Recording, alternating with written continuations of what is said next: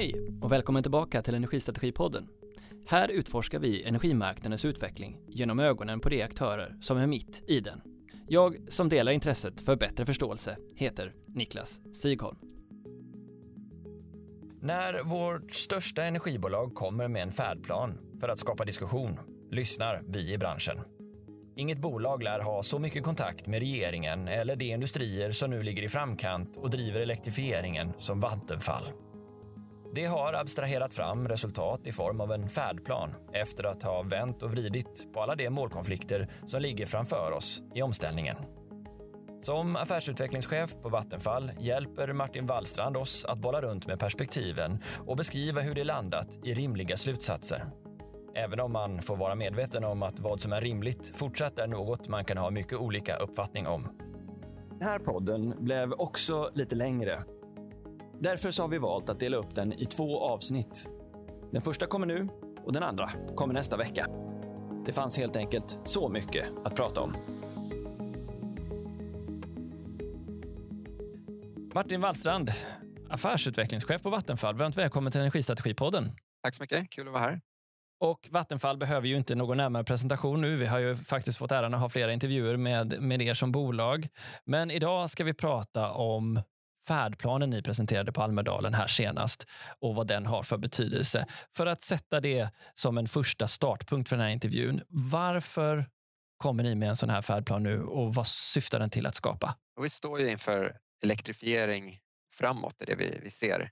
Och att det har ju blivit mer och mer av en av en sanning att vi går mot ett, ett betydligt större elsystem med så mycket som ja, men dubbelt så stort elsystem har både regeringen och andra visat i scenarier och, och satt upp som ett mål. Och det är i linje med vad vi tror också. Men det är inte för sakens skull utan det är för att vi vill bygga ett välståndssamhälle även framåt och en, eh, en stark konkurrenskraft för Sverige. Och då ser vi att ska vi nå det och man kan säga till 2045, så även om det låter långt bort för många så i energivärlden så är det mer eller mindre i övermorgon. Så då, då har vi bråttom och vi behöver accelerera det vi gör. Och att göra något så här omfattande, att, att bygga ut något så komplext som hela elsystemet och fördubbla det på två decennier, ja, men då måste vi tänka till ordentligt. Då behöver vi någon form av färdplan för att ta oss dit. Men det finns ju, det är inte så att det saknas färdplaner. Det, ju, det, finns ju prognoser både från Energimyndigheten, det finns från SVK, det finns från flera, det finns från lärosäten, det finns från konsultfirmor, det finns från intresseorganisationer. Var kommer ni in bland de här färdplanerna? Vad är det ni vill med den här, liksom, eh, ja, er touch på det så att säga? Ja, när jag säger färdplan, då, då, menar jag något annat än scenarier eller prognoser. Då. För scenarier, det är ju, då är syftet ofta att man målar upp två eller flera alternativa vägar framåt. Det skulle kunna bli det andra, det skulle kunna bli ett 100% förnybart system eller det skulle kunna bli ett väldigt planerbart system. Och man har inte satt någon inriktning utan man bara planer, syftet är att planera för alternativa framtider. Och lite där har vi stått i, i energidebatten, att vi tänker att antingen kan vi gå vänster eller, eller höger och det leder till att vi egentligen inte kommer framåt alls. Utan det vi ser att vi behöver är att, att samla oss mer som som nation, som eh, bransch och samhälle och säga att vi är eniga om att vi ska fördubbla elsystemet. Då behöver vi komma framåt med ett, en mix av kraftslag och teknologier och sätta upp tydliga mål och vi pratar om planeringsmål liksom, för att ge en tydlig bild till investerare som eh, vill satsa på det här men som idag inte känner att man vågar och kan.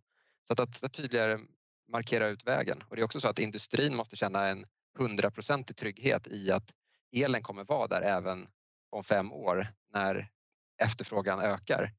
För om, om industrin ska våga investera otroliga summor i att ställa om processerna till elintensiva processer, då måste man veta att det finns tillräckligt med el till bra priser.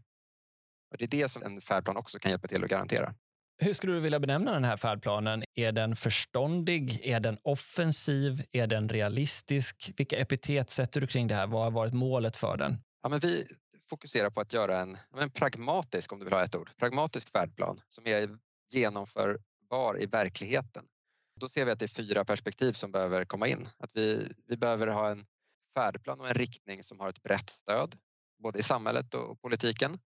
Vi behöver att säkra att det är en hög leveranssäkerhet i elsystemet. Det har varit i extra fokus de senaste två åren tror jag. Sen Ukraina-krisen så har vi verkligen insett hur fundamentalt det är att eh, elsystemet alltid kan leverera och den är genomförbar i tid. Två decennier är inte lång tid. Vi måste använda de teknologier och verktyg som finns här och nu. Och sen i grunden så måste den vara ekonomiskt klok och, och effektiv så att vi verkligen kan leverera konkurrenskraftiga elpriser. Ni levererar, eller representerar och har ju alla de olika kraftslagen i er portfölj och också en av de största, för att inte säga den största elnätsdistributören här. Men ändå samtidigt är ni ju en energiaktör. I vilken mån har ni kunnat vara så att säga neutrala i ert sätt att leverera eftersom det är så mycket politik ändå i, i kraftslagsdiskussionerna just nu, men så även när det gäller elnät för den delen. Ja, men där, där är det viktigt att se lite vad den här färdplanen som vi har presenterat nu, liksom syftet med den. Och det är inte att det är Vattenfall som ska rita Sveriges färdplan utan vi är en aktör som kommer med ett inspel. Vi sitter på mycket kunskap och erfarenhet. Vi delar gärna med oss av det. Men det här är snarare ett sätt att säga att Sverige behöver en färdplan. Det är vår övertygelse. Vi tycker att det är myndigheterna, de eh, energirelaterade myndigheterna som ska ta fram ett förslag på den som sen kan beslutas politiskt. Så att det är inte Vattenfalls ansvar att besluta om en färdplan för Sverige. Men vi har sagt det under ett par år att vi behöver en tydligare plan framåt. Men att bara säga det, det får inte samma effekt. Det är lätt att säga. Men genom att faktiskt ta fram ett exempel. Så här skulle den kunna se ut om vi från Vattenfall skulle rita en. Så det är viktigt att myndigheterna sen gör sitt jobb och verkligen ja, men, gör en mer objektiv färdplan för Sverige. Ja, Okej, okay. så ska vi ha en dialog här i Sverige så behöver alla ta sitt ansvar och vara konstruktiv för sin del och sitt perspektiv. Så förstår jag dig. Absolut, och vi ser att ja, myndigheterna tillsammans med branschen. Det är ju många i energibranschen som sitter på kunskap. Alla sitter på olika bitar av information. Så det är att lägga det, hela det här pusslet och då tänker vi att vårt bidrag är en bra start för att det arbetet ska komma igång. Okej, okay, fine. Men det är ju trots allt så att vi är bara människor eh, och påverkas givetvis av våra premisser och utgångspunkter. Vem är du i det här? Hur har din väg till att sitta på den här rollen och presentera den här färdplanen sett ut? Ja, det var jag pluggade på KTH, industriell ekonomi med energisysteminriktning för ungefär 20 år sedan när jag insåg att klimatfrågan, det är ju liksom, men det är mitt kall, det är min generations stora utmaning. Den kommer gott och väl räcka som utmaning att jobba med hela mitt arbetsliv. Det tror jag fortfarande. Det känns inte som att det, det har inte svalnat, va? är vi på väg att lösa den. Nej, det har inte svalnat. Och så såg jag ganska tydligt att nyckeln till att lösa klimatkrisen är att jobba med elektrifiering. Så att jag ville in i energisektorn och, och elsektorn. Så att, eh, därför sökte jag mig till Vattenfall 2009. Har jobbat även i en del på, i andra branscher till och från sedan dess, men ungefär tio år sammanlagt på Vattenfall. Och där jag eh, 2016-17 gjorde ett av de mest spännande projekten jag har gjort, eh, och tagit mig an och det var att titta på den nya klimatlagen som då var, då var ny och som sa att vi 2045 ska vara klimatneutrala i Sverige och bryta ner det sektor per sektor och se vad betyder det egentligen? Om varje sektor i Sverige ska bli klimatneutral till 2045, vad behöver ske? Och vad ställer det för krav på elsystemet och på energi? Och då såg vi att vi har ungefär 130 terawattimmar fossil energi. Det behöver vi ersätta med någonting. Vi var lite, kanske i tankar om att vara ödmjuka liksom och ville inte förhäva oss från elsidan så tänkte vi att hälften kommer kanske från el och hälften från bio, biobränslen. Så vi tänkte att då behöver vi 60 terawattimmar mer el. Det blev snabbt inaktuellt då så att redan ett par år senare så insåg vi att vi behöver minst dubbelt så mycket och nu ser vi att vi behöver kanske tre gånger så mycket. Så det, vi var många som gissade fel då kan man ju säga. Ja, men jag tror, av oss som var i branschen. Vi har alla underskattat rollen i elektrifiering. Men det är i alla fall så att när jag såg hur stor eh, kraft det fanns i elektrifieringen, vilken stor roll den betydde och också då vad industrins omställning betydde. För jag tror vätgasen, det var något jag upptäckte där då 2016-17 att den är så viktig för att för processindustri och tung industri kunna ställa om från fossila processer till något fossilfritt. Eh, så att sedan dess har jag jobbat med att eh, bygga upp partnerskap mellan Vattenfall och energiintensiv industri och gemensamt titta på hur kan man ändra processerna och driva på elektrifiering. För när man tar sig också an en sån här ansats som en sån här färdplan är så finns det ju naturligtvis många målkonflikter ni måste på egen hand försöka ja, slicka på fingret, stå upp det i luften, eh, göra någon form av känsla av vart vi är på väg. Men det finns stora bubblare som just vätgasen är ett exempel av. Eh, hur har du tänkt kring det? Jo, då menar jag att det finns två perspektiv här. Det ena är att vi tillhandahåller ny produktion för det för det vi kan eller så mycket som det går givet flaskhalsbegränsningar i, i tillståndsprocesser och i utbyggnad av elnät exempelvis. Den andra är ju att vi bygger så mycket som det bara går egentligen oavsett och det som blir över leder in i en vätgasekonomi istället. Det är lite två olika sätt att se på Eh, kan man säga, ambitionen för det framtida energisystemet som också representeras av olika politiska partier. Hur har ni tänkt kring den ingången i hur man ska se på vad det är som ska driva energimarknadens utveckling?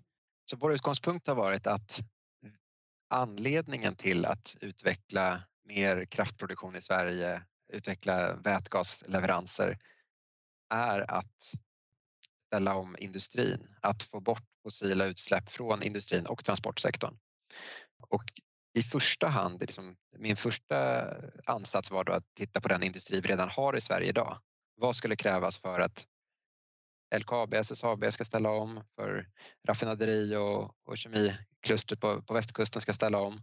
De olika transportsektorerna, hur mycket blir el och hur mycket behövs det elektrobränslen till? Och sen räkna om det då i hur mycket el, om vi ska vara självförsörjande i Sverige för att klara det. Vad skulle det kräva? Sen har vi också sett att det har kommit projekt och vi har startat projekt med helt nya aktörer och entreprenörer som vill utveckla kanske framförallt då elektrobränslen och mer vätgasbaserade nya, nya affärer som kanske inte alls hade behövt hamna i Sverige utan de hade kunnat hamna var som helst.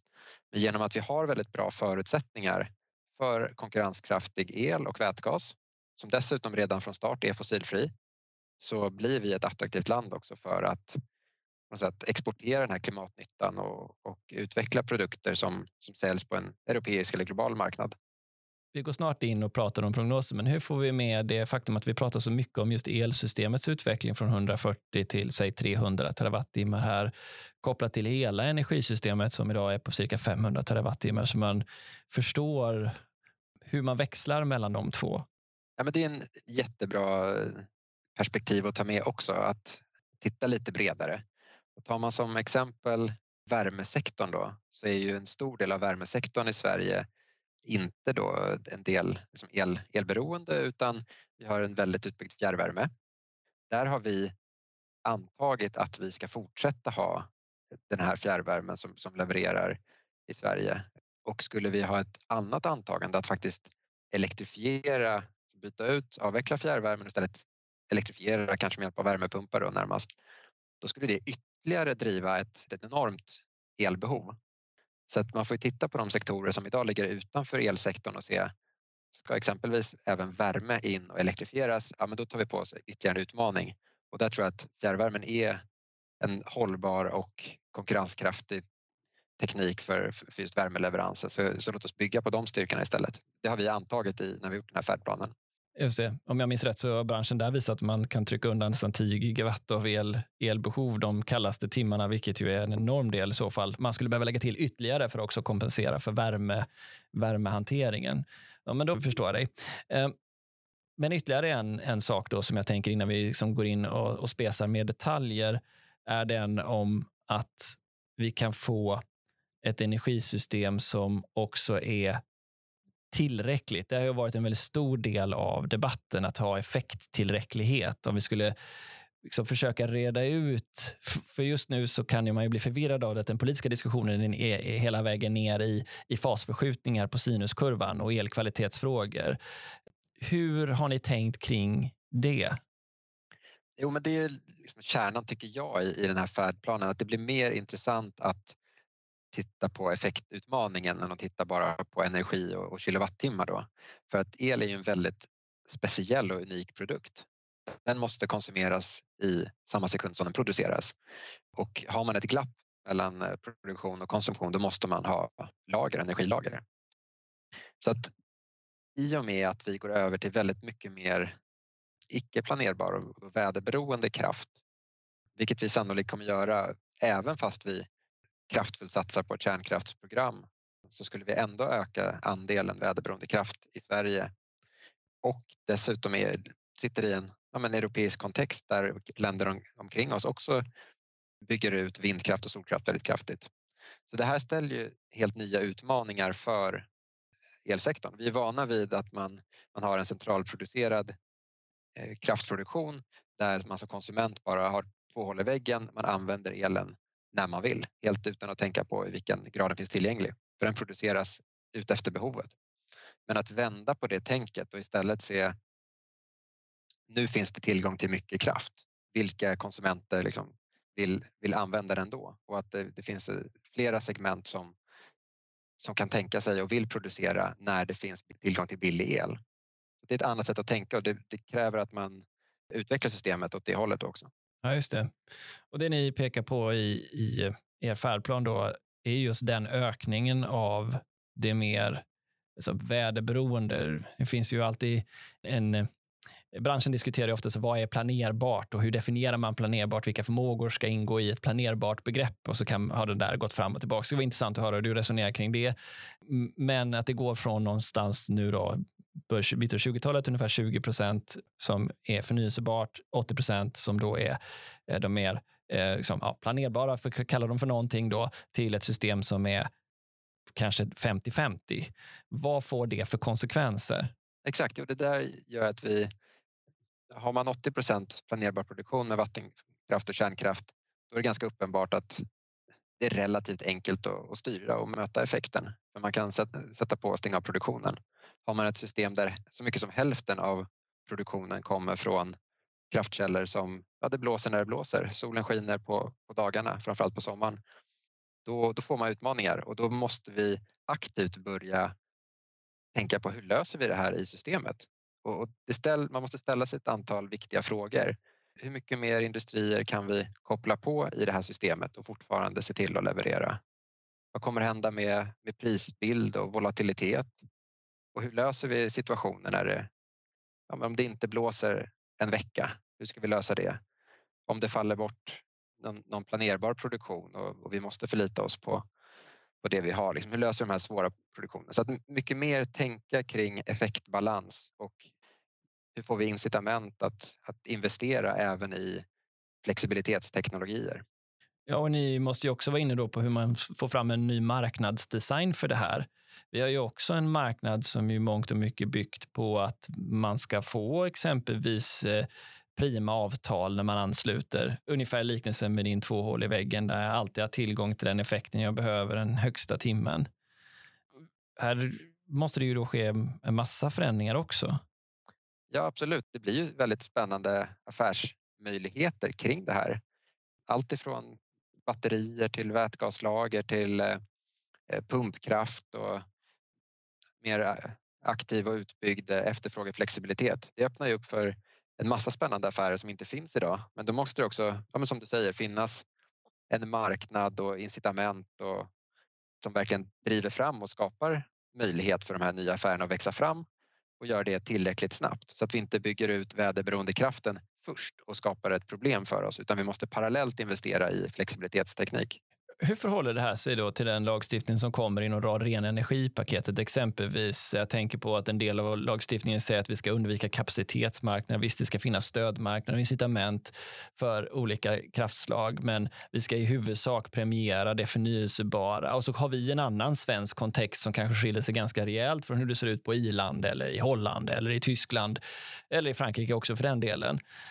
Hur, hur, ser du att liksom, vi ska ta oss till att, att hantera eh, marknadsdesign som får det här att fungera? Om, om med mina ord det är så att jag tycker mig se två olika skolor. Det ena är är utvecklingen av mer stödmarknader och mer bilaterala avtal och det andra är mot en mer kanske centralistisk syn på det att staten måste ta någon form av roll till det där kapacitetsfaktorer för de effektunderskott som vi riskerar att få med mer väderberoende kraftslag. Om du förstår vad jag menar. Ja, jag, och hela det här initiativet med att ta fram ett exempel på en färdplan syftar ju till att vi tror att staten behöver ta en mer aktiv roll i att peka ut hur systemet ska utvecklas, i vilken riktning och att faktiskt sätta miniminivåer per kraftslag som planeringsmål. För att gör man det, då kan man också börja skapa sig en gemensam bild över hur kommer det framtida systemet se ut? Och när man sätter sådana planeringsmål, ja, då kan man ju också som investerare se, ja men, men här kommer in mycket väderberoende kraft eller vi fortsätter med mer planerbar kraft och då sätter det olika förutsättningar för vilka typer av tekniker som behöver komma in. Så jag tror att det, det ligger mycket i att staten behöver ta en, en tydlig roll om vi ska lyckas på så här kort tid. Okej. Okay. Det ni säger också i den här presentationen som man blir nyfiken på, det är att det krävs tre olika sorters flexibilitet för att lösa det här. Det är dels den väldigt snabba under några få timmar. Eh, det är den över dagar, veckor och sen så är det reservkraftsituationer som uppstår mer ställe, sällan än så. Och så har ni satt volymer. Berätta lite grann om det här för varför ni tror att eller hur man löser de här tre nivåerna. Precis, och det är, för att sätta kontexten där så tittar vi där på ja, men närtid, de närmaste tio åren. Då ser vi att ny kärnkraft hinner inte komma in och bidra, i alla fall inte i någon större, liksom, som någon större andel ny energi. Utan det, det, som kommer in som ny kraftproduktion kommer framför allt vara sol och vind. Och då uppstår behovet av att samtidigt utveckla flexibilitetslösningar för att systemet ska kunna leverera varje, varje minut och sekund. Och när vi tittar på den flexibiliteten som behövs så är det tre ganska olika typer av flexibilitet som systemet behöver. Då. För vi ser totalt sett ett gap. Om vi tittar de närmaste tio åren. Vi bygger framförallt vind och sol. Vi har nya industrier som ansluter och då ser vi ett gap på ja, 10 till 15 gigawatt i effekt de svåraste timmarna. Vilket ju är monstruöst mycket givet att vadå, hela, vad är den samlade effekten i Sverige? 30 gigawatt som någon slags topp och den kallaste februaridagen jag tror jag någonsin har sett det uppåt 26 gigawatt. Det är ju halva, Exakt, det är en, halva dagens tillgång. Det är ett jättegap. Så att man ser ganska tydligt att det är inte hållbart att bara bygga ut vind och sol och inget annat. Utan samtidigt och parallellt som vi gör det så måste vi hantera effektutmaningen och då ser vi att vi måste först och främst få bort de, de här högsta effekttopparna genom någon typ av billig teknik som kan lagra åtminstone under kortare tid. Då kan man tänka på batterier som har börjat komma även i Sverige en hel del. Vi tror att det kommer betydligt mer, behövs betydligt mer. Men även efterfrågeflexibilitet. Att när fler och fler skaffar elbilsladdare så att redan från början se till att det är smarta laddare som man kan ställa in att man kan ladda bilen en eller två timmar senare ifall det råkar vara en, en pristopp precis då när man kommer hem från jobbet. Och bara det här att liksom förskjuta elkonsumtionen och jämna ut variationerna inom dygnet, det gör jättestor skillnad för hur mycket kapacitet vi behöver sen på produktionssidan.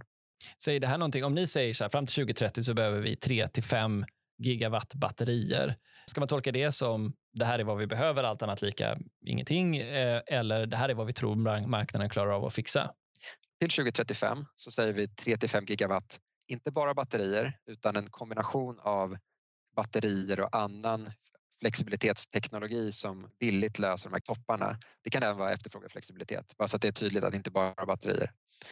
Och vi har tittat på det utifrån vad som skulle behövas snarare. Vad är behovet? Om vi ska lyckas få ihop eh, den här effektutmaningen. Men vi har också stämt av det och tittat i ja, de prognoser som görs och, och se att är det här realistiskt? Att vi tror ju också att, jag menar som kopplat till din första fråga, det här är en pragmatisk plan som vi tror är genomförbar. Ja, okej. Okay. Vi får väl se hur många det är. För jag, nu är jag sugen på att höra din spaning om vem det är som ska betala för det här. Men det kan vi ta lite senare. För vi går över till den som är energibalansen på dagar och veckor. För den kan ju vara lite mer utmanande. Hur löser vi den? Exakt, för det är ju så att vinden framförallt vinden blåser ofta ett par dagar blåser det mycket, ett par dagar blåser det lite. Det kan gå upp till någon vecka i, i sådana, så den är ganska cyklisk. Och då behöver vi ett sätt att, att lagra vindkraften mellan veckorna. Och vi har upptäckt i hybridprojektet som Vattenfall har genomfört med LKAB och SSAB är att vätgaslager har en enorm potential just för energilagring på veckobasis. Att det en förvånansvärt kostnadseffektiv teknik att bygga stora bergrumslager där man kan då producera vätgas de timmar då vinden blåser och sen kan man använda och köra från lagret när vinden inte blåser. Och Då menar du alltså inte producera el från lagret utan man stänger av elektrolysören och använder vätgasen till det industriella syftet. Visst förstår jag rätt då? Precis, så är det. Så att man kan leverera ett, en kontinuerlig vätgasleverans till industriprocessen men man kör bara elektrolysörerna och använder elen när den finns tillgängligt billig och när det blåser. Så vi stänger av en massa behov när vi har ett underskott på produktion? Exakt, så det är en, det är en typ, man kan kalla det för en slags efterfrågeflexibilitet.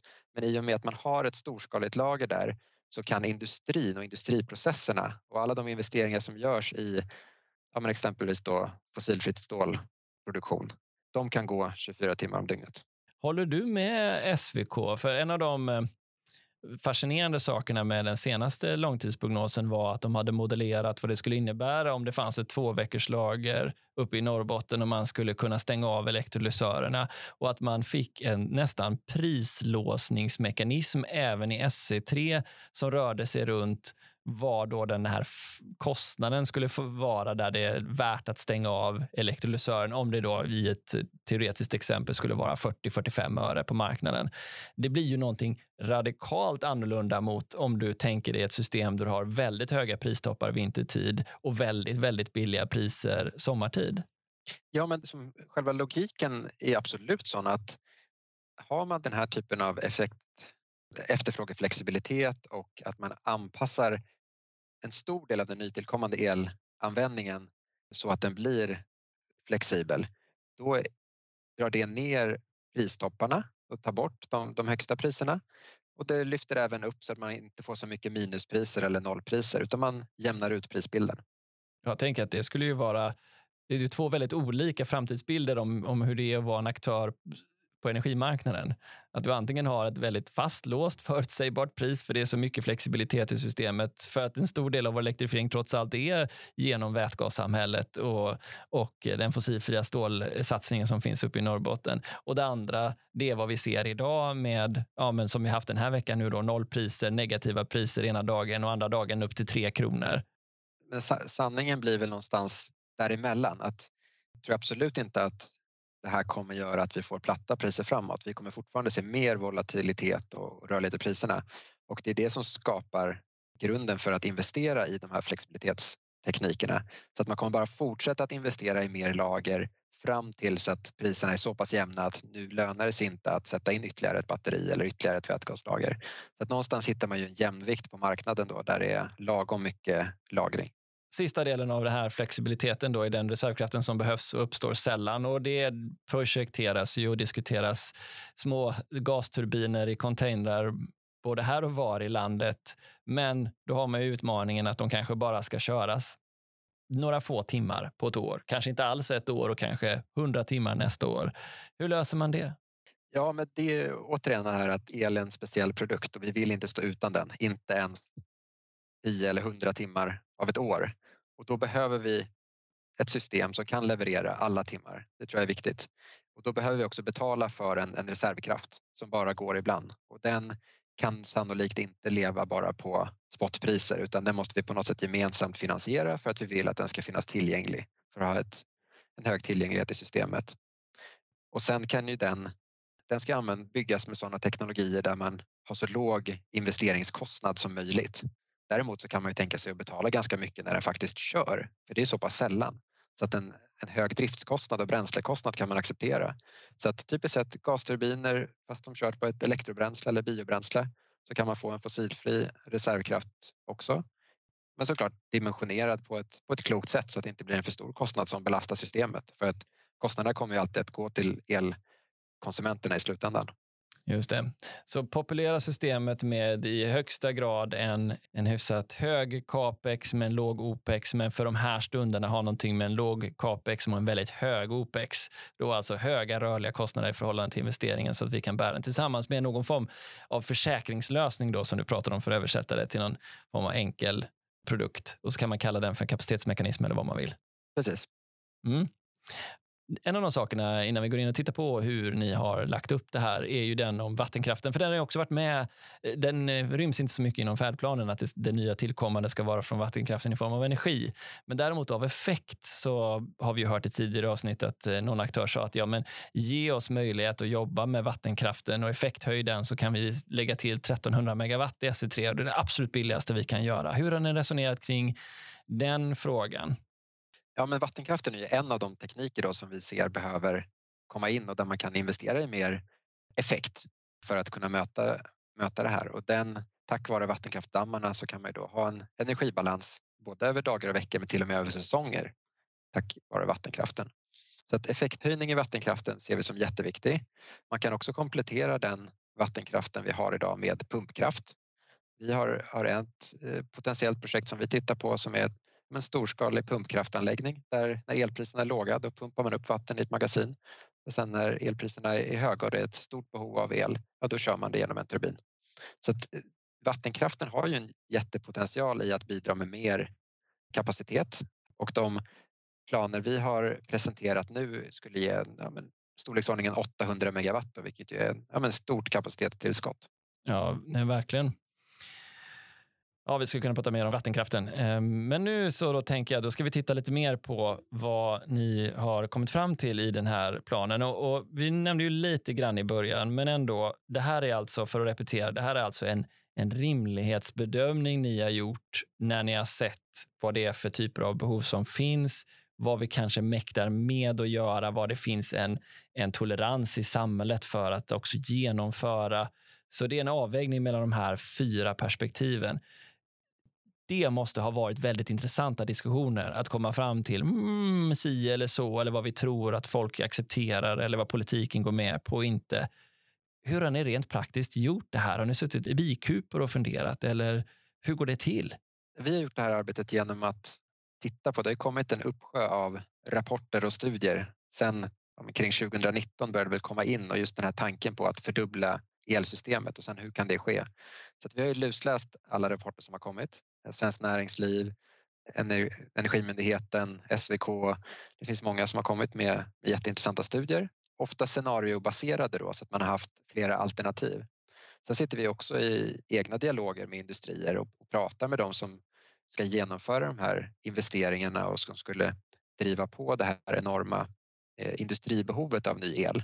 Samtidigt som vi har en, en eh, egen affär kring elbilsladdning och är inne i elektrifieringen av transportsektorn på nära håll. Så att vi har kombinerat det med våra egna erfarenheter i våra kunddialoger med det vi ser i andra studier.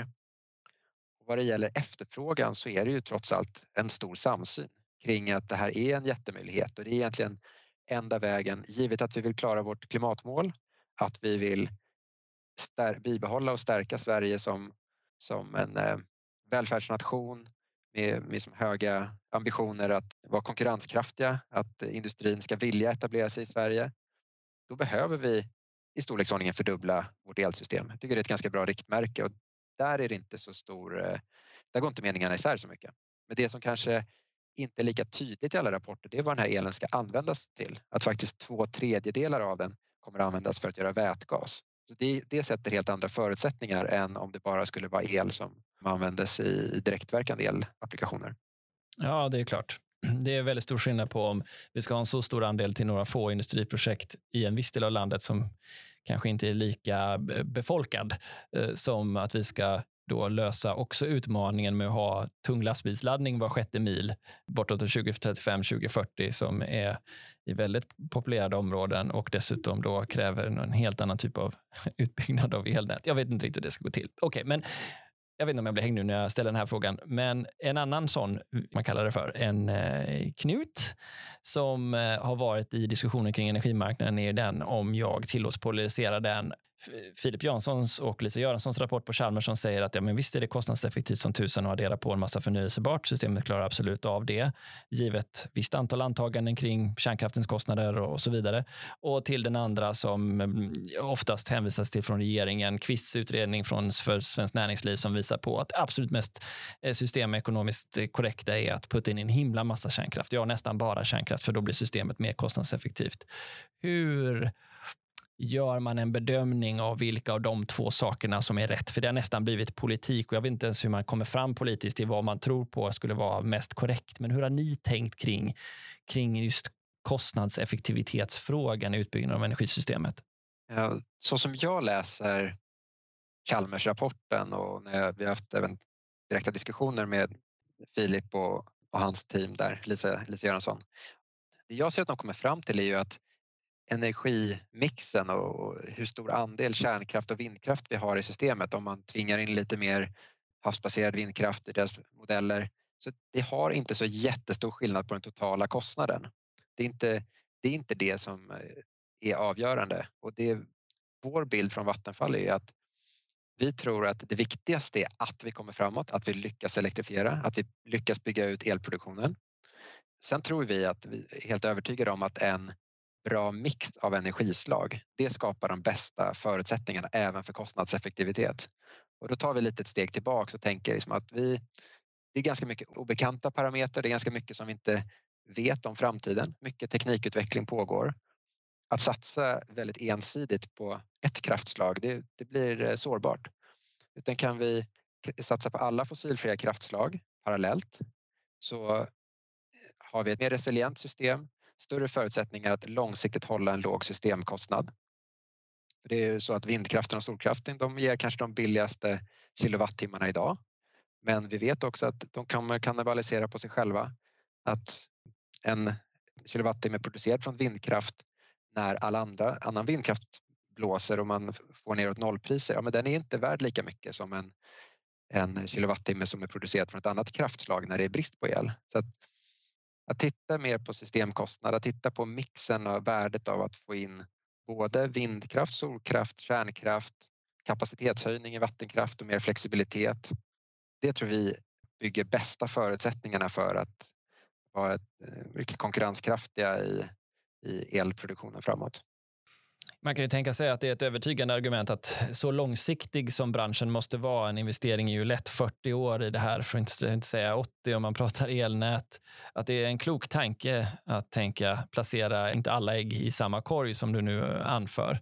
Ändå också propsar jag på att få återkomma till nuläget, för jag tänker mig att en av de saker som har varit en stor förändring från det att ni började skriva den här rapporten till idag är den om inflationens utveckling, vilket ju i allra högsta grad påverkar investeringssentimentet för capex-tunga, alltså investeringar som har, bär mycket av sina kostnader tidigt i projekten.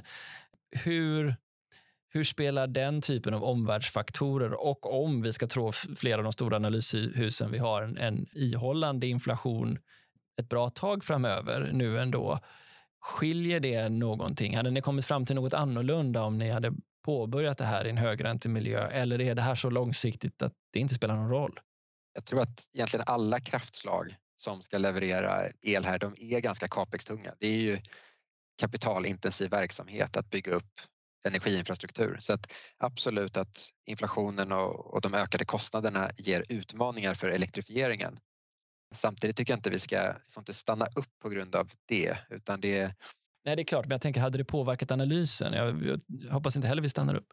Jag tror inte det påverkar om vi ska bygga ett kraftslag eller ett annat. Det, någon sån koppling ser jag inte.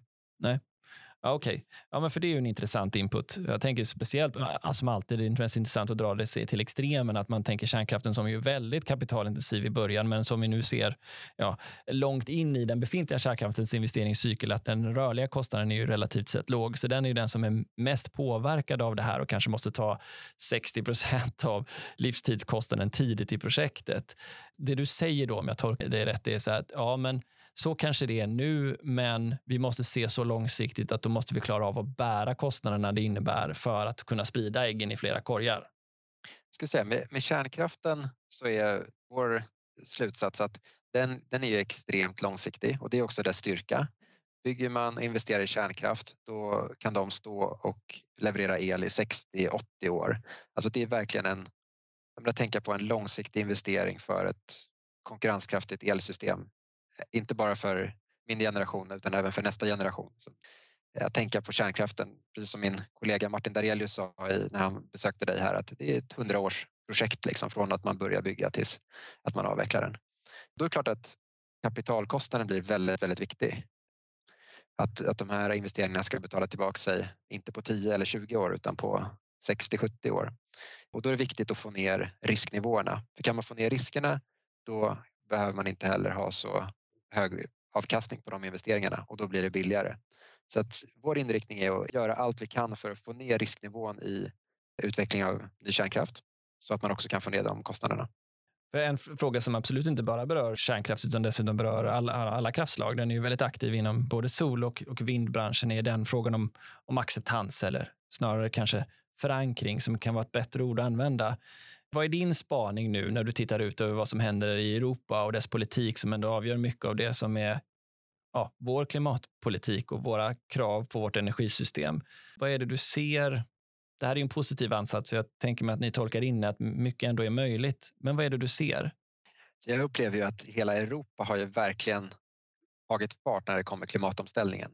Det är ju ett, ett helt annat driv de senaste fem åren på, på EU-nivå kring att, att lösa klimatfrågan. Jag ser ju att i Sverige så har det ju blivit ett otroligt starkt driv också ur ett konkurrenskraftsperspektiv. Att vi, vi ser en möjlighet att utveckla välstånd och affärer i Sverige och nya jobb och att det är en otroligt positiv samhällsutveckling som är baserad och helt beroende på att vi lyckas lösa energiutmaningen. Så där ser jag som att det här är något som samhället vill ha och givet att, att det finns en stark önskan då att, att få in mer fossilfri el, då försöker vi hitta då vad är bästa sättet att kunna leverera det. Okej, okay. ja, det var ju ett väldigt positiv ansats. Eh, så den här utmaningen vi har med just få acceptans för nyproduktion på olika ställen, målkonflikterna det innebär. Har ni något mer skick i det? Jag menar, vi har ju trots allt haft var de senaste åren väldigt mycket nej på olika ansökningar. Ja, men det, det är ju en jätteomställning och det ska man ju inte sticka under stol med att det här, det här kan inte genomföras utan att det märks. Och det kommer vara så att om inte jag får en, ser ett vindkraftverk utanför min, mitt fönster så kanske grannen eller jag känner någon som, som har det. Och det är ju, folk påverkas ju och rennäringen kan påverkas, försvaret påverkas. Det finns många andra som rättmätiga intressen i landet som behöver vägas mot energiinvesteringar på, på de platserna. Och det är också i den kontexten som vi ser att färdplanen fyller en viktig roll. Att vi ser det lite som, ja, men som en detaljplan.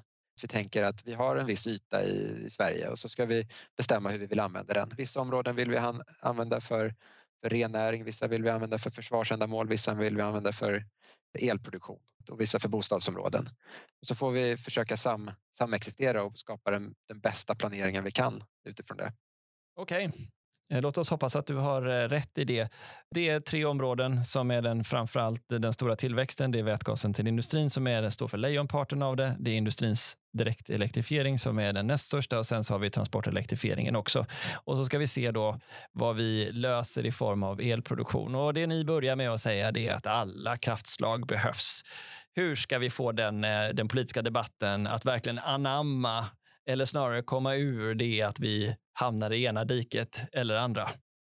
Ja, det finns ju verkligen ingen konflikt emellan dem skulle jag säga. Att eh, den största risken för att inte lyckas med de här industriinvesteringarna och ett klimatsmart samhälle det är ju att vi, att vi inte bygger tillräckligt med el. Jag ser ingen risk för att vi skulle bygga för mycket utan svårigheten är ju att, att komma framåt tillräckligt snabbt.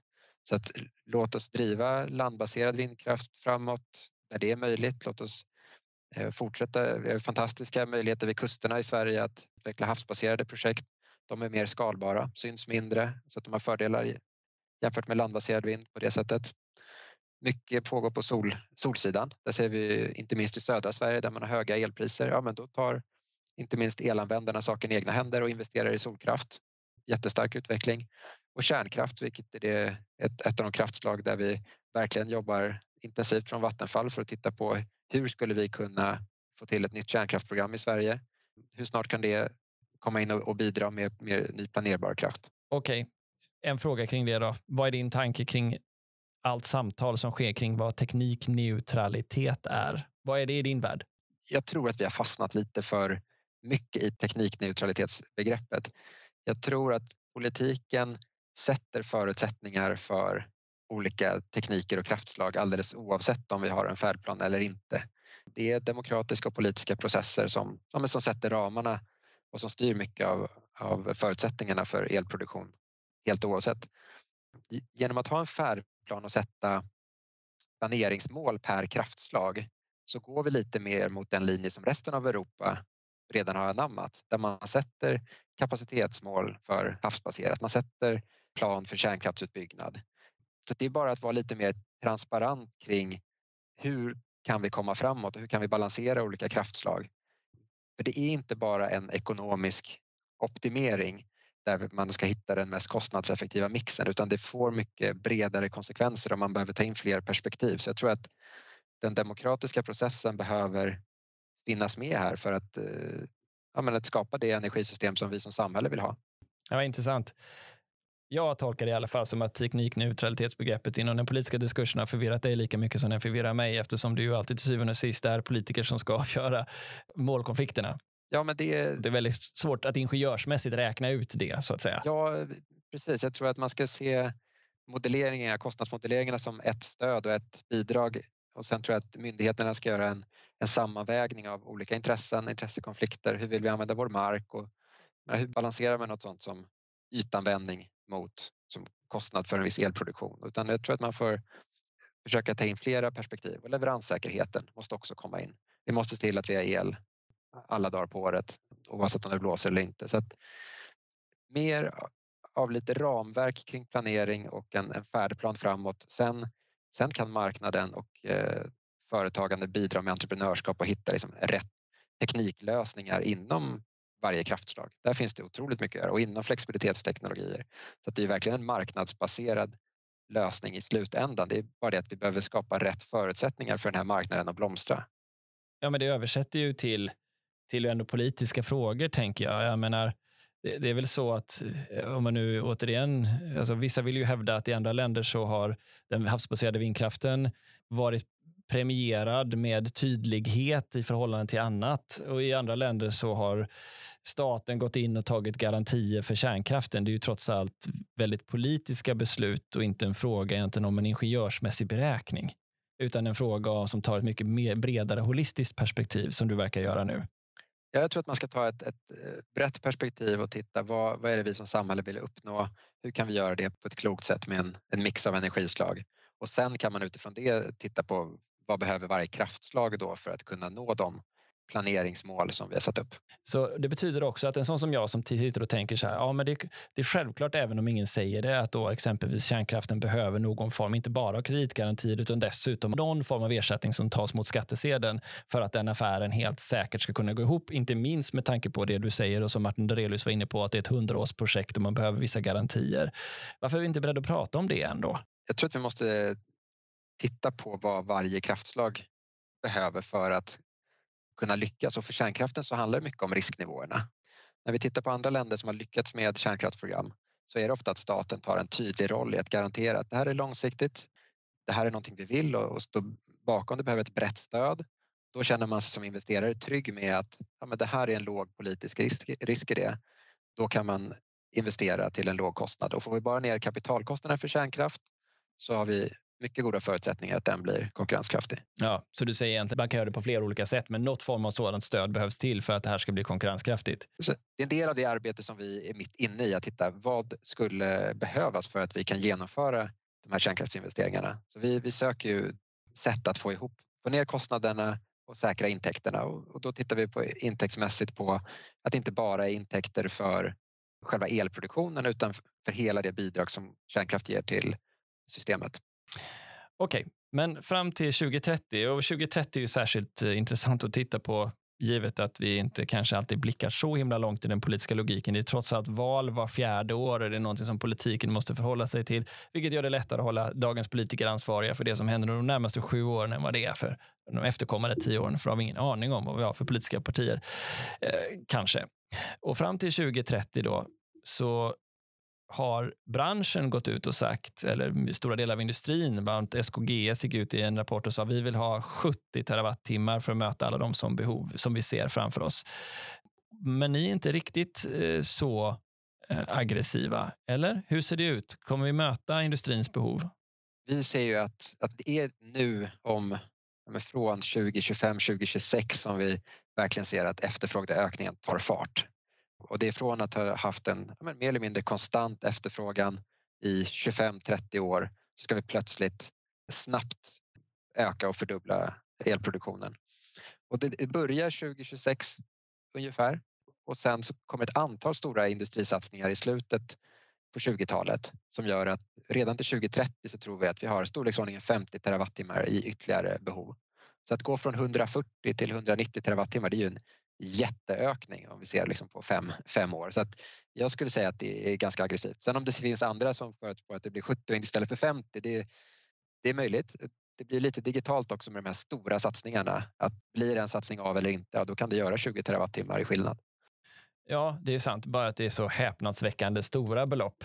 Eh, det kan man ju också se när man sätter Svenska kraftnäts kortsiktiga marknadsanalys och Energimyndighetens kortsiktiga marknadsanalys. Den skiljer sig också fram till 2026 med flera tiotals terawattimmar, vilket ju är Ja, man får ju anledning att höja på ögonbrynen, för så har det ju inte sett ut historiskt. Men det, det vi ska förstå då, det är antaganden kring det som är två tredjedelar som du pratade om tidigare, alltså vätgassatsningen uppe i Norrbotten.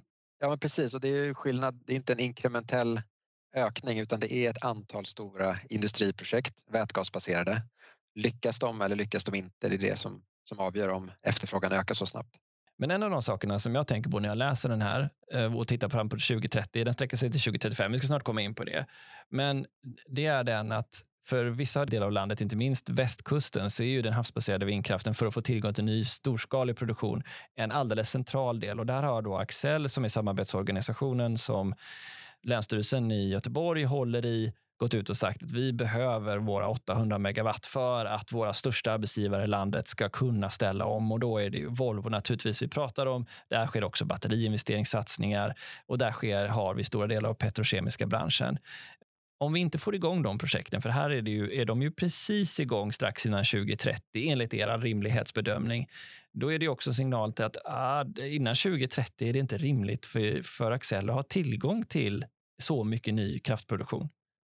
Jag tror för västkusten som är ett jätteintressant område i Sverige, det är ju lite det nya Norrland om man tänker vad vi pratar om den gröna revolutionen och att det, det är väldigt mycket industrier som finns där som kommer behöva mycket el i framtiden. Så att jätteintressant region som vi, vi jobbar nära med och där det behövs, alltså de har en väldigt utmanande elnätssituation. Så att som en kraftsamling och att, att få till så mycket utbyggnad och ta bort de flaskhalsar som finns är en, en del i, i pusslet. Att bygga lokal elproduktion är en annan och då vi har koncentrerat ganska mycket av vårt fokus i när det kommer till havsbaserad vindkraft till just västkusten och har flera projekt eh, längs västkusten som kommer in ungefär kring 2030. Tyvärr är det med de ledtider som finns svårt att se att särskilt många projekt skulle komma tidigare än dess. Så då är vi egentligen där. Det var en av de sakerna som förvånade mig lite i Almedalen, att alla pratade om att ja, men nu har vi ett större samförstånd, det finns en bättre forum för dialog och det var ju också någonting som kanske då bättrades på mm, tack vare att ni lämnade den här eh, färdplanen. Men det finns ju den andra dimensionen också av det, vilket är de stora förhoppningarna. Om ni då säg i det här fallet kommer med en realistisk plan och du säger ja, fast det är nog ändå så att den, de stora elektrifieringssatsningarna sker nog på 2030-talet, för det är det som är det realistiska om vi ser på hur tidplanerna ser ut just nu. Då är det ändå ju en viktig kalibrering att skicka till marknaden eftersom ja, men jag kan ju ta upp massa med bolag som jag haft här i podden som har sagt att vi ska vara i princip klara med vårt jobb 2035 och för att vi ska vara det måste vi ha kommit en lång bit redan innan 2030. Eh, och Det du säger här nu är så här, ja, men vi måste också ta hänsyn till andra perspektiv och då är det rimligt att det här måste skjutas på ett antal år. Är jag vidlyftig i min tolkning av dig här nu eller? Jag ser absolut ingen anledning till att man ska bromsa elektrifieringen. Liksom, tvärtom så vi jobbar ju med våra kunder för att möjliggöra elektrifieringen både på västkusten och resten av landet och att jag tror vi behöver hitta nya sätt. När vi, om man kör fast och säger att ah, vi har inte tillräckligt med elnätskapacitet, kan vi tänka på andra sätt att lösa det? Kan vi eh, ha lokala batterilager för att lösa upp den här flaskhalsen? Så har vi jobbat i Uppsala och installerat batterier som en snabbare lösning när inte elnätet kan byggas ut direkt snabbt och då frigöra kapacitet. Eller kan vi bättre dela på kapaciteten i elnäten mellan konsumenter som kanske inte behöver maxkapaciteten hela tiden? Det är ju faktiskt så att våra elnät använder vi idag väldigt, på ett väldigt ineffektivt sätt i den bemärkelsen att vi den allra mesta tiden så används en låg andel av maxkapaciteten i elnätet. Och kan man vara mer flexibel i och säga att ja, de timmar det är trångt i elnätet, då kan jag tänka mig att och, eh, faktiskt koppla bort min elanvändning i gengäld mot att jag snabbare kan få en kapacitetsökning och kan driva på min elektrifiering snabbare. Vad intressant. Så det du säger är att ja, men vet du vad, det finns faktiskt andra tekniska lösningar som vi behöver bli bättre på så kan lösa upp de här knutarna trots att effekten kanske inte kommer exakt den tiden ni skulle behöva. Och då blir jag ju nyfiken. Då måste ni ju börja prissätta nätnytta på ett annat sätt. Är det inte så? Alltså det måste komma in mycket mer prissignaler kopplat till när och var och hur man använder sina effekter än vad vi ser just nu.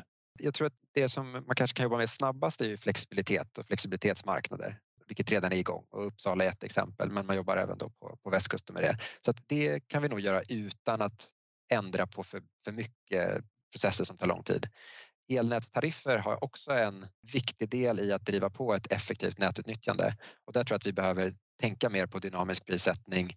Hur kan vi uppmuntra och möjliggöra bolag att bättre dela på nätkapaciteten genom att man, ja, man differentierar. Vissa typer av av eh, industriprocesser, de måste alltid ha tillgång till den effekt de behöver som är liksom maxeffekten medan andra kan vara mer flexibla som till exempel vätgasproduktion. Perfekt exempel på det. Det är inga problem för en elektrolysör att, att säga att de 100 timmar när det är för hög eh, belastning på elnätet, ja men då, då stänger vi ner och så har vi ett lager istället. Just det, och det finns ju faktiskt satsningar på vätgasproduktion även på västkusten som skulle kunna lätta upp det där. Men jag håller med dig. En av de sakerna som redan finns är ju hur vi jobbar med flexibilitet, exempelvis i batterier. Men det är ju, anledningen till att jag pekar på det som nätnytta, det är inte bara den delen av det, det är ju också att få in villkorade avtal som mycket mer standardiserade produkter än tillfälliga sådana som vi ser idag. Håller du med om att vi måste gå mot jag tänker också på att lösa upp det faktum att det sitter ju massa aktörer idag på abonnemang som man inte fullt ut utnyttjar. Det vi kallar för att pressa luften ur systemet. Hur angeläget är den frågan som du ser det? Ja, men det är ju, jag tycker det finns en bra men, dialog och diskurs kring att liksom, hitta lösningar och att, att få faktiskt, eh, nu när vi vet att elnätsanslutningar i framtiden, det är som en begränsande resurs på ett helt annat sätt än det har varit förut. Och då måste vi ändra lite hur vi, vi jobbar och tänker med det. Som processerna för att bli tilldelad ny, ny kapacitet borde rimligtvis ändras. Okej. Okay. Ja, det kanske inte är helt tacksamt för dig att komma hit och säga titta här vad mycket fantastiskt vi bygger ut vårt eh, elnät och det enda jag sitter och säger så här, men det här räcker ju inte. det är inte tillräckligt. Säger du, jo men det är jättebra. Säger jag, men vadå, de vill ha mer. Ja, men det är väl så vår eldistributionsverksamhet känner det, liksom, att de investerar och bygger ut och kraftsamlar så mycket det bara går och, och, det är ändå aldrig tillräckligt. För det är ju så snabbt som kundefterfrågan går. Så det är den verklighet vi har och det är ju i grunden som positivt men eh, utmanande också. Ja, Okej, okay. och sen då i, strax innan 2030-talet och in på 2030-talet så har vi ett nytt stort tillskott av ökande havsbaserad vind. Eh, det tar alltså fart här i Sverige och då antar jag då att ni har en massa tankar om de här utredningarna om hur vi får anvisningsområden och en fungerande syn på hur våra havsplaner ska vara styrande för översiktsplaner och annat. Hur ser du på den frågan idag, givet eh, hur ändå i förhållande till andra länder Sverige har haft ett eh, lite mer av ett lapptäcke av lagstiftningsstyrning kring havsbaserade vinden jämfört med exempelvis Danmark. Ja, men det har ju varit eh, väldigt utmanande som vindkraftsutvecklare för offshore havsbaserade projekt hittills i Sverige i att man, man måste söka tillstånd på väldigt många olika håll, ha kontakt med väldigt, väldigt många olika myndigheter och man kan få avslag väldigt sent i processen. Så det har blivit också en enighet jag, i branschen och mellan myndigheter att vi vill ändra det här. Vi skulle vilja ha det på ett, ett mer effektivt sätt.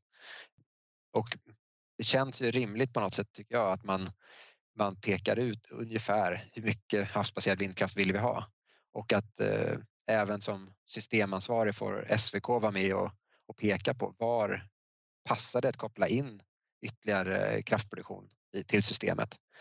Och sen att hitta ett sätt där då olika vindkraftutvecklare får konkurrera om vilka projekt som ska byggas. Sen i detalj hur den eh, processen ska se ut, det, det tror jag är en egen podd mm, det det. med någon annan än mig. Men eh, mm. att, att, utvecklingen bör gå i den riktningen, det, det kan jag absolut säga. Ja, ni pushar på från det med tanke på att ni är en stor aktör i det här segmentet och att eh, lejonparten av era investeringar trots allt har gått utomlands är ett signalvärde ändå på affärsklimatet i Europa och var någonstans ni allokerar ert kapital. Det är väl, en, det är väl ändå fair att säga, Martin? Ja, men Vattenfall är ju en stor havsbaserad vindkraftsproducent. Vi har lagt den största delen av vår, våra nyinvesteringar just på havsbaserad vindkraft, eh, vilket kanske inte har synts lika mycket i Sverige, utan att havsbaserad vind har byggts ut mycket, mycket mer i både UK, Holland, Tyskland, Danmark. Så då är det där projekten har varit. Så nu har vi en organisation, vi har eh, kunskap och, och teknologin och, en, och nu när vi ser att Sverige har ett behov av ny kraftproduktion så är vi redo att investera i Sverige, även på havsbaserad vind. Ja, får vi se hur det går med det. Om vi, om vi tittar vidare då så blir det ju, antar jag, osäkerheten ökar ju längre bort i den här färdplanen vi tittar, antar jag. Men det händer saker framåt 2030-talet. Då. Dels så börjar ni rulla ut eh, ert kärnkraftsprogram, då, om jag ska minnas vad Martin sa i början av 2030-talet. Hur ser du på det, om vi börjar där? Det pågår ett arbete för fullt just nu med att titta på hur skulle ett nytt svenskt kärnkraftsprogram kunna se ut? Och vi är inne i en förstudie just nu som kommer presentera resultat kring årsskiftet. Och vi ja, jobbar för fullt i leverantörsdialoger, i dialoger med myndigheter. För det, det handlar inte bara om att vi som eller andra investerare, liksom möjliga kärnkraftsproducenter behöver driva på projekten utan även att, att myndigheterna behöver utveckla regelverken och, och processerna för att, att genomföra det här. Och att driva på det här så snabbt som möjligt kan möjliggöra att vi får in ny kärnkraft under början av 30-talet. Och då är det SMR?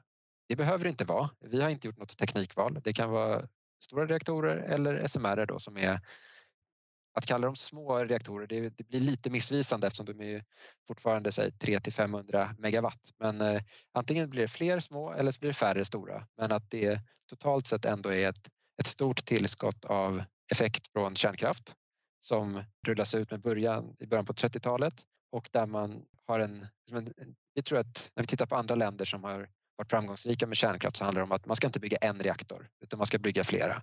Och man lär sig emellan varje reaktorbygge det bör vara samma teknologi och leverantör eller åtminstone inte fler än, än två. Och att det är samma team och kompetens som jobbar med att bygga det här för då kan man göra det kostnadseffektivt och så snabbt som möjligt och minska projektrisker. Ja, jag rekommenderar också att man lyssnar på Martin Drelius-podden från förra året där man ska få mer genomgång av det här och gå helt i linje med vad du säger nu Martin. Den stora frågan här nu är ju att... Eh, den här podden blev också lite längre. Därför så har vi valt att dela upp den i två avsnitt. Den andra kommer nästa vecka. Det fanns helt enkelt så mycket att prata om.